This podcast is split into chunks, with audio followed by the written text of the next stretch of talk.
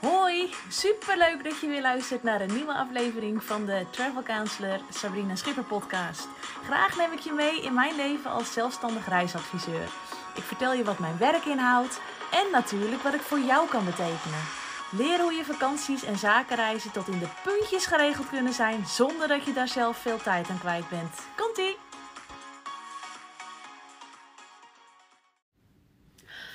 Vandaag wil ik het met je hebben over de waarde van je vakantie. Niet over de kosten, maar echt over de value. Ehm, waarom? Omdat ik steeds vaker te horen krijg van... Goh, vakantie is wel duur geworden, hè? En dan denk ik, ja, enerzijds denk ik, ja, misschien heb je daar wel gelijk in. Anderzijds denk ik van, ja, ten opzichte van wanneer en van wat. Want ja, er zijn toch een aantal mensen uh, ja, die, vlak, die tijdens de corona niet gereisd hebben en daarna weer op vakantie gingen. En ja, dan, als je dan de, de, de, de prijs van je reis afzet tegen een, een vakantiejaar 2018 of 2019, ja, dan zit daar natuurlijk ook alweer een paar jaar verschil uh, in. En ja, in die paar jaar zijn producten ook gewoon duurder geworden. Dus ja, enerzijds denk ik ja, anderzijds denk ik van, nou, weet ik, weet ik niet zeker, ligt een beetje aan ten opzichte van wat. Maar als je kijkt naar bijvoorbeeld de prijzen van de, van de vliegtuigen, ja, die zijn natuurlijk gestegen. Uh, dat, de olie is ook, de prijs van de olie is ook gestegen. Ja, dat heeft natuurlijk allemaal een wisselwerking op elkaar. Maar wat daarom zo belangrijk is, en daar wil ik het dus vandaag met je over hebben, is uh, de waarde die jij aan je, aan je vakantie geeft. Want het is belangrijk dat jouw vakantie jou kan bieden waar jij naar op zoek bent. En als jouw financiële situatie ontoereikend is, of als jouw budget, uh, wat jij ervoor hebt vrijgemaakt, het gewoon op die manier niet toelaat om op die manier je vakantie in te vullen, dan zeg ik: boek een andere vakantie. Ga voor een goedkopere reis, misschien zonder vliegen of dichter bij huis. Of stel hem uit. En ga een andere, doe hem op een ander moment als je wat meer gespaard hebt. Um, als ik kijk naar mijn eigen vakanties, dan maak ik me daar zelf ook schuldig aan. En de afgelopen jaren steeds weer in die herfstvakantie. Ik vind de herfstvakantie een rotvakantie. Het is altijd slecht weer. Um, dan zit je thuis met de kinderen. Niet zoveel te doen. Ja, af en toe een dagje weg natuurlijk. Maar over het algemeen zit je toch binnen. En uh, elkaar te irriteren. Dus ik wil altijd graag weg zijn in die herfstvakantie. En de afgelopen jaren hebben we dat steeds gedaan uh, in, in Nederland, België, uh, Duitsland en dan in een, in een vakantiepark. Maar ja, wat krijg je dan? Kijk, zo'n vakantiepark is natuurlijk hartstikke leuk ingericht. Met leuke speeltuinen, met een buitenzwembad. En, nou ja, dat heb je natuurlijk niet in de, in de herfstvakantie. Dus dan ben je altijd gebonden aan de binnenactiviteiten. Een schreeuwerige speelhal of een overdekt zwembad of een overdekt zwemparadijs. En eigenlijk ben je, omdat het zo slecht weer is, daar ook wel aan gebonden, omdat je verder niet zo heel veel kan gaan doen. Want ik loop niet voor mijn plezier buiten als het regent. Nergens niet. Um, dus, en dan denk ik elke keer weer, en dat is nou de afgelopen drie jaar, heb ik ook tegen mijn man gezegd. Waarom doen we dit toch steeds? Waarom, waarom gaan we ook gewoon weer op zo'n vakantie? En ik heb nu ook echt besloten, ik ga dat niet meer doen.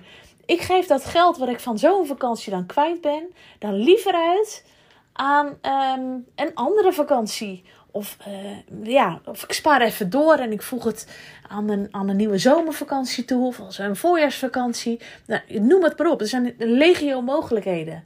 Maar elke keer zit ik daar weer en dan word ik daar niet gelukkig van. Dan denk ik, wat zitten we nou toch te doen? Waarom heb ik niet gewoon geld in mijn zak gehouden en dit niet gedaan om vervolgens op een ander moment beter en nog meer te kunnen uitpakken? En ik ben heel benieuwd of je dit herkent. Ik zou het leuk vinden als je ook even een, een DM'tje of een berichtje van naar me stuurt. Om, om jouw ervaringen te horen. Want ik ben benieuwd of ik de enige ben die jaar op jaar deze fout maakt.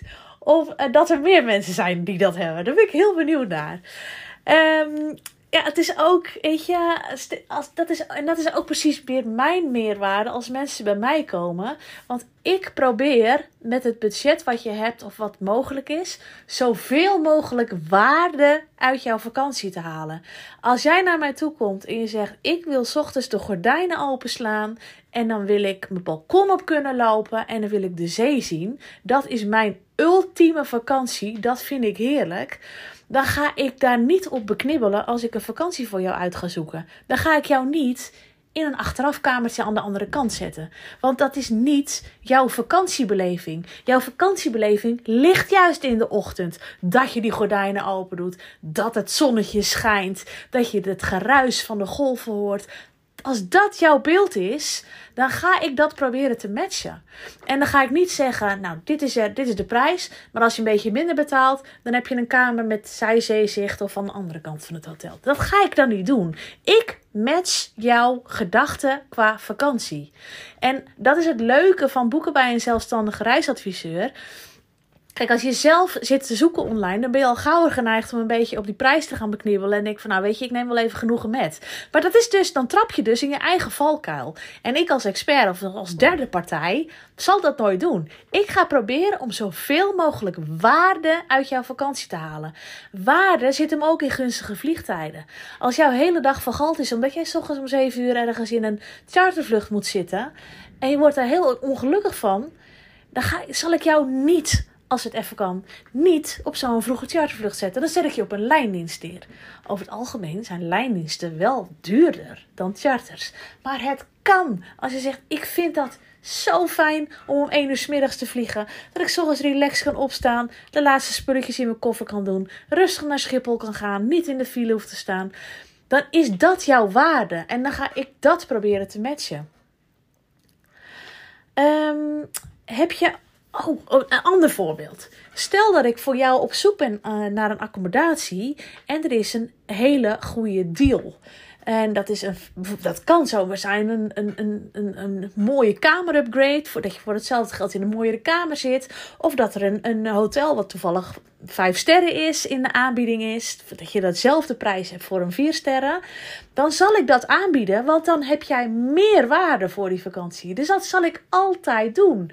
En um, als, jij dan, als jij dat product mooi vindt en ook dat budget daarvoor vrij kunt en wilt maken, dan heb je de perfecte vakantie te pakken.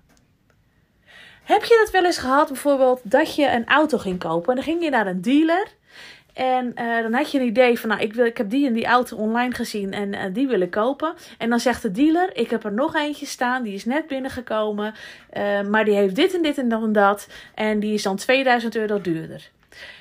Normaal gesproken denk je, jeetje, 2000 euro, dat is heel veel geld. Maar als jij ziet dat die extra's in die auto je veel meer waarde kunnen bieden, ben je soms zomaar geneigd om te zeggen, ja, dat doe ik. Maar als die dealer dat nooit tegen jou zou zeggen, dan had jij ook nooit die auto gekocht. Dan had jij gewoon genoegen genomen met het beeld wat jij in je hoofd had.